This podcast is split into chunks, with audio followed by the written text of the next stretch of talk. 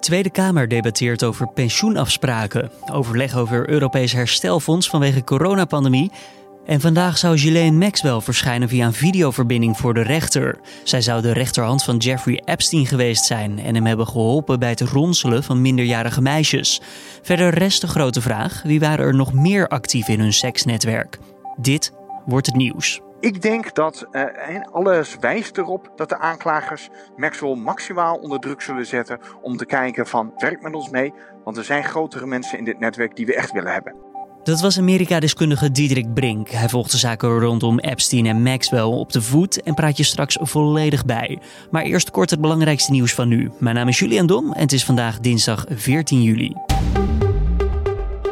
Er komt geen landelijk verbod op trekkers tijdens boerenprotesten. Dat zegt Hubert Bruls, voorzitter van het Veiligheidsberaad. Bruls noemt het verbod een goed middel onder bepaalde omstandigheden. Maar het zou niet nodig zijn om dit landelijk in te voeren. Nu er geen verbod komt, zullen de veiligheidsregio's overleg voeren met de politie en het ministerie van Justitie over hoe de boerenprotesten zo goed mogelijk kunnen verlopen. Daarbij gaat het bijvoorbeeld om dezelfde manier van aanpak in verschillende regio's. Het aantal gestarte ZZP'ers was in juni 20% hoger dan in dezelfde maand vorig jaar. Dat meldt de Kamer van Koophandel. Verwacht wordt dat deze stijgende lijn doorzet in de komende maanden. Vorige maand zijn er ruim 15.000 mensen gestart als fulltime of parttime ZZP'er. Vooral in de zakelijke dienstverlening, detailhandel en in de bouw was er sprake van een toename van het aantal starters. De stijging is opvallend te noemen omdat er in het eerste halfjaar van 2020 juist veel ZZP'ers besloten te stoppen door de uitbraak van COVID-19. De Franse regering investeert 8 miljard euro in de salarissen van zorgmedewerkers. De salarisverhoging is bedoeld als steun in de rug voor de zorgmedewerkers in de strijd tegen het coronavirus. Verpleegkundigen en verzorgers krijgen er gemiddeld maandelijks 183 euro bij. Ook het salaris van artsen in de openbare sector gaat omhoog. De regering en vakbonden hebben zeven weken onderhandeld over de salarisverhoging. In de Amerikaanse staat Californië moeten cafés weer dicht en mogen restaurants, bioscopen en musea geen mensen meer toelaten. Ook moeten in veel regio's sportscholen, gebedshuizen, kappers, schoonheidssalons en winkelcentra weer sluiten. Het gaat dan onder meer om Los Angeles en gebieden rondom San Francisco. In twee weken tijd is het aantal mensen dat met COVID-19 in het ziekenhuis is opgenomen gestegen met 28 procent. De drukte op de intensive care is met ruim 20% toegenomen, waardoor veel ziekenhuizen nu aan hun maximumcapaciteit zitten. En dan ons nieuws van deze dinsdag. Ghislaine Maxwell die verschijnt vandaag voor de rechter in New York. De rechterhand van voormalig multimiljonair Jeffrey Epstein, zoals ze wordt genoemd, staat terecht voor onder meer het ronselen van minderjarigen die door Epstein vervolgens werden misbruikt. Maar Maxwell zou zichzelf ook schuldig hebben gemaakt aan misbruik. Nou, in deze aflevering van de Dit wordt het nieuws podcast duiken we verder in de naam Ghislaine Maxwell. Wie is deze vrouw? En hoe omvangrijk is haar rol in het netwerk van Jeffrey Epstein? Dat vroeg collega Carne van der Brink aan Amerika-deskundige Diederik Brink. Zij is de rechterhand van Jeffrey Epstein. En zij wordt ervan verdacht dat zij uh, niet alleen zelf seksuele handelingen met minderjarigen zou hebben gepleegd. En dat zij voor hem mijneed zou hebben gepleegd. Maar dat zij ook een grote spil is in zijn omvangrijke pedofilie-netwerk. Het misbruik van jonge meiden. Uh, door in verschillende staten, verschillende resorts. Uh, en dat zij eigenlijk een soort van de ronselaar was van jonge meiden die door hem, maar ook door haar, misbruikt zouden zijn. En zij zou dus ook daarmee weten met welke vrienden hij dit soort praktijken zou hebben uitgevoerd. Dan komen er een aantal namen van bekende figuren naar voren. De belangrijkste indicatie dat we weten dat het draait niet alleen om een zedendelict, uh, maar ook om iets ernstigers, is eigenlijk, of iets groters moet ik zeggen, komt omdat het, de federale aanklagers in New York, die behandelen dit niet met de afdeling zeden, maar met de afdeling publieke corruptie. En dat betekent dus dat ze Ghislaine Maxwell zien als een spil, of eigenlijk een middel naar een groter figuur, een publiek of voormalig publiek official, in plaats van dat ze dit zien als we zijn erop uit om, te, om haar voor het gerecht te slepen en daarmee is de zaak gesloten. Ze denken dus dat er nog een grotere zaak achterweg kan komen. Ja, en Maxwell deed het allemaal voor Epstein. Um, en ja, hoe zou je haar band dan met Epstein omschrijven? Want het was eerst een, een, een liefdesrelatie, hè? Precies, en dat is geëindigd. Maar daar is wel een vertrouwensband uit voortgekomen. En we weten nu, hè, uit alles wat er bekend is, dat zij eigenlijk gewoon alle geheimen van hem heeft gekend. Dat maakt haar nu ook zo'n ontzettend interessant persoon. De druk is natuurlijk ook heel erg groot, omdat Epstein de gelegenheid kreeg in de gevangenis om zelfs na een eerdere poging zelfmoord te kunnen plegen. Dat betekent dus dat er geen, ja, uh, geen juridische afsluiting van zijn uh, proces is gekomen. En daarom zitten de slachtoffers nog steeds te wachten op een proces om te zorgen van ja, alle mensen die hiermee te maken hebben, moeten hiervoor gestraft worden. Nou, justitie voelt een enorme druk en ze hebben nu eigenlijk een herkansing gekregen door iemand die zo dicht bij hem stond en die naar verluid van alle geheimen op de hoogte was. Nou, dat betekent dat ze eigenlijk het misgelopen proces van Epstein alsnog kunnen voeren. En volgens de aanklagers in deze zaak hielp Maxwell Epstein met het ronselen van eh, tienermeisjes. Maar waarom zou ze dat hebben gedaan voor hem? Nou ja, het was, het was natuurlijk het wereldje waar ze in verkeerde. De hyper, de ultra-rijken van Amerika, die een, een, groot leven van luxe en weldaad hadden. hij was een grote investeerder, rijk, maar er zat natuurlijk een schaduwkant aan. En dat was dat hij de behoefte kreeg om zich in te laten met jonge meiden, minderjarige meiden, en die niet altijd met, met, met, met medeweten of met, met, met toestemming uh, door hem uh, werden benaderd. En dat zorgde ervoor dat er een netwerk ontstond van hem met hele andere machtige, rijke en invloedrijke personen die misbruik maakten van jonge meiden. En zij verkeerde, zij kwam zelf uit een goed milieu, rijk. Dus uh, het was waarschijnlijk de, de aantrekkingskracht om in het wereldje van de ultrarijken en machtigen in New York en, en eigenlijk in heel Amerika te kunnen verkeren. En uh, je daarin eigenlijk onaantastbaar te wanen. Want Epstein is al een keer op de vingers getikt in Florida. Nou, daar kwam hij af met echt een minimale straf. Ik geloof dat het onder andere inhield een huisarrest in zijn riante villa. Tja. Waardoor hij uiteindelijk daar kon werken en later ook kon overnachten. Ja, dat betekende gewoon dat hij het heel erg makkelijk heeft gehad. Mm -hmm. En uh, daarom moest later ook degene die toen de federale aanklager was en later in het kabinet van Trump minister werd, moest ook aftreden, want het was eigenlijk een sweetheart deal. Maar het gaf hem wel aan dat hij met zijn geld ook gewoon justitie naar zijn uh, hand kon zetten. En dat betekende dat de zaak ook extra pijnlijk was toen uiteindelijk, ook via Netflix documentaire, steeds meer details over zijn leven naar buiten kwamen. En dat zelfs nadat hij veroordeeld was in Florida, nog steeds mensen van naam en faam met hem om bleven gaan. Want als je kijkt naar het netwerk van Epstein en Maxwell, het was gevuld echt met aannamen zoals Bill Clinton, Kevin Spacey, Prince Andrew, Donald Trump. Waarom werden deze mensen zo aangetrokken door toch wel dit bijzondere koppel? Het, het, was, het was een ongelofelijke inschattingsfout. Natuurlijk om je in te laten met iemand waarvan bekend was dat hij over de scheef is gegaan met minderjarigen. Maar het was natuurlijk ook het jetset leventje. Hè? Bill Clinton, die uh, uh, een, een vlijmscherp, misschien zelfs onnavolgbaar politieke antenne heeft.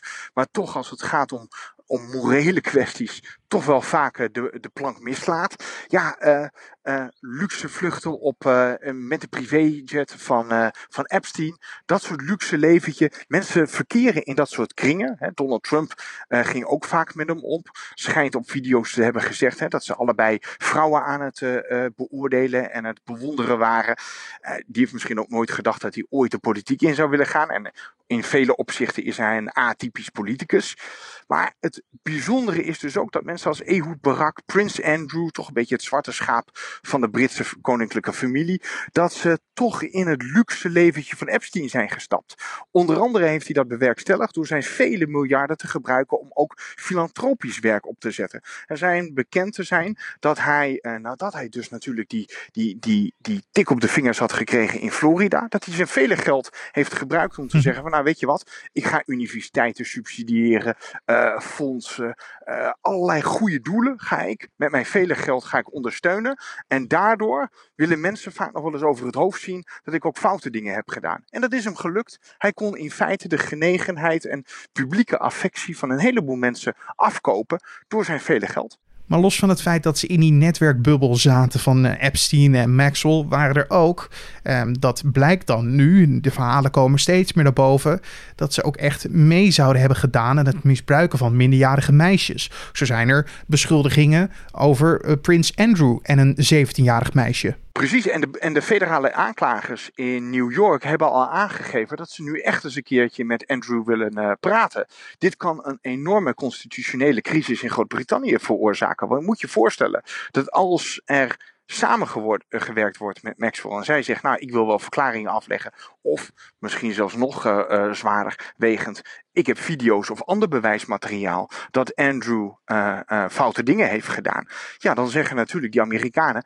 Zet Prins Andrew maar op het vliegtuig en laat hem maar hier komen. Ja. Nou, dat de kans dat iemand met zo'n invloedrijke positie dat zomaar doet, is natuurlijk klein. Maar tegelijkertijd dan word je als Britse regering gedwongen om iemand waar zware beschuldigingen van pedofilie of verkrachting van minderjarigen uh, uh, te lasten worden gelegd, om die de hand boven het hoofd te gaan houden. Dan hoe dan ook levert het de koninklijke familie en de Britse regering een enorm veel hoofdpijn en publieke schaamte op. Dus die kans dat dat misgaat, ja, dat ligt wel in het verschiet. Ja. Maar dat geldt ook voor anderen natuurlijk. Precies, inderdaad. Want kijk het nog even naar Maxwell. Ze verdween uit beeld nadat Epstein vorig jaar zelfmoord had gepleegd in zijn cel. Ze had het de autoriteiten knap lastig gemaakt om haar te vinden. Precies, ze beschikt over meerdere paspoorten en natuurlijk een enorme berg geld. En daarmee kon ze natuurlijk lang onder de radar blijven, totdat ze op een gegeven moment uh, op het spoor van de FBI werd gezet. En uh, in New Hampshire hebben ze haar in een riante villa opgepakt. Nou ja, dat is natuurlijk een enorme schok. Hè? Je gaat van een luxe leventje, jetset leventje, waarin je misschien wel onaantastbaar hebt gewaand, ga je in één keer naar een kille koude cel in New York. En ze dachten ook van, ja, mogelijk gaat ze hetzelfde pad op als Epstein. En daarom hebben ze haar dus in een papieren zak gezet. Dus ze heeft geen enkel middel om zichzelf van het leven te beroven. Geen lakens, geen niks. Ze zit in een koude, kille cel in een, met een papieren zak als, als, als stukje kleding. Om maar te zorgen dat ze zichzelf niet van het leven berooft en dat het justitiële onderzoek door kan gaan. Nou ja, voor haar ligt de druk natuurlijk heel erg groot. Ja. Of je gaat uh, decennia lang achter de tralies in een zwaar regime. Uh, waar je je, nou ja, onder vreselijke omstandigheden uh, de komende tijd wordt opgeborgen. Of je gaat meewerken en dan kan de federale overheid zeggen van nou we hebben ook wel wat gevangenissen waar het regime wat minder streng is. Of waar je wat meer vrijheden geniet. Of hè, dat je een deel van je straf al kwijtgescholden krijgt. Mm -hmm. Dan kunnen we wel een dealtje sluiten. Dus ze zullen de druk opvoeren, maar zonder dat ze eraan bezwijkt en uit het leven stapt. Maar ja. ze zullen de druk wel opvoeren om te zeggen werk met ons en laat zien over wie jij verklaringen wil afleggen. Ja, want dat is denk ik de juiste vraag op dit moment. Waar gaat deze zaak van Maxwell straks over? Over uh, de schuld van Maxwell bewijzen, uh, wat zij dus allemaal zou hebben gedaan uh, voor Epstein? Of gaat het om wat zij weet over die aanname en wat zij zouden hebben gedaan? Ik denk dat omdat het nu ligt bij de aanklagers van de Public Corruption Office van de, eh, de US Attorney's Office in New York, ga ik ervan uit dat ze haar als middel zien om een veel grotere vis binnen te hengelen. En dat kan zijn bijvoorbeeld een Bill Clinton als uh, ex-president. moet je voorstellen dat Hillary in 2016 wel de verkiezingen had gewonnen en hij de eerste first gentleman zou zijn geweest. Dan zaten we nu in aanloop naar de herverkiezing van Hillary midden in een schandaal waarin haar echtgenoot mogelijk met een grote uh, in een groot pedofiel netwerk uh, in verband kan worden gebracht. Dus kun je nagaan hoe dit heel anders had uh, kunnen lopen qua publieke belangstelling. Tegelijkertijd, hè, ook namen als Ehud Barak worden genoemd, Donald Trump zelf. Er schijnen nog meer mensen betrokken te zijn. Ik denk dat uh, alles wijst erop dat de aanklagers Maxwell maximaal onder druk zullen zetten om te kijken van werk met ons mee, want er zijn grotere mensen in dit netwerk die we echt willen hebben. Daar hoorde je collega Carne van der Brink in gesprek met Amerika-deskundige Diederik Brink. En dan kijken we natuurlijk ook nog eventjes wat er verder op deze dinsdag te gebeuren staat.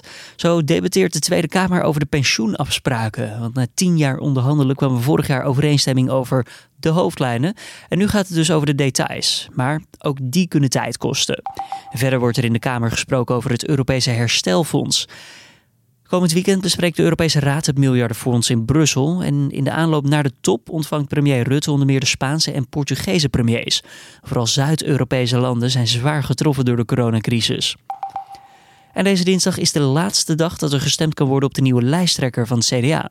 Nadat Mona Keizer afgelopen weekend is afgevallen in de race, verkeren Pieter Omtzigt en Hugo de Jonge nog in een nek-aan-nek race. In de ochtendpodcast van morgen besteden we hier meer aandacht aan. Dat weer voor vandaag. Het blijft redelijk bewolkt en er valt geregeld een bui. Later op de dag klaart het vanuit het westen wel wat op en kan af en toe toch nog eventjes de zon doorbreken. Maar de kans op regen blijft. Het wordt zo tussen de 16 en 19 graden. En ook woensdag, als we alvast een kleine blik vooruit werpen, blijft het fris en wisselen zon en regenbuien elkaar af. Ja, goed nieuws voor fans van de Netflix-serie La Casa de Papel. Er komt namelijk een vijfde seizoen. Dat heeft scriptschrijver Alex Pina aangekondigd op Instagram. Vanuit een rode hangmat schrijft hij dat hij bezig is met het komende seizoen. La Casa de Papel is de populairste niet-Engelstalige serie op Netflix ooit. Zo werd de Spaanstalige serie in de eerste zeven dagen van het derde seizoen door ruim 34 miljoen accounts bekeken. De serie vertelt het verhaal van El Professor, die met acht specialisten de grootste overval in de Spaanse geschiedenis wil plegen. En ik zou zeggen, als je nog wat tijd hebt, ga hem zeker kijken. Dit was dan de Dit Wordt Nieuws ochtendpodcast van deze dinsdag 14 juli 2020. Tips of feedback zijn altijd welkom bij ons. Stuur dat toe via podcast.nu.nl en abonneer je ook op deze podcast. Dat kan bijvoorbeeld via Apple Podcasts of via Spotify of een van je eigen favoriete podcast apps. Dan wens ik je voor nu een fijne dag. Mijn naam is Julian Dom. Vanmiddag is collega Carne van der Brinken weer. En ik ben er morgenochtend. Tot dan.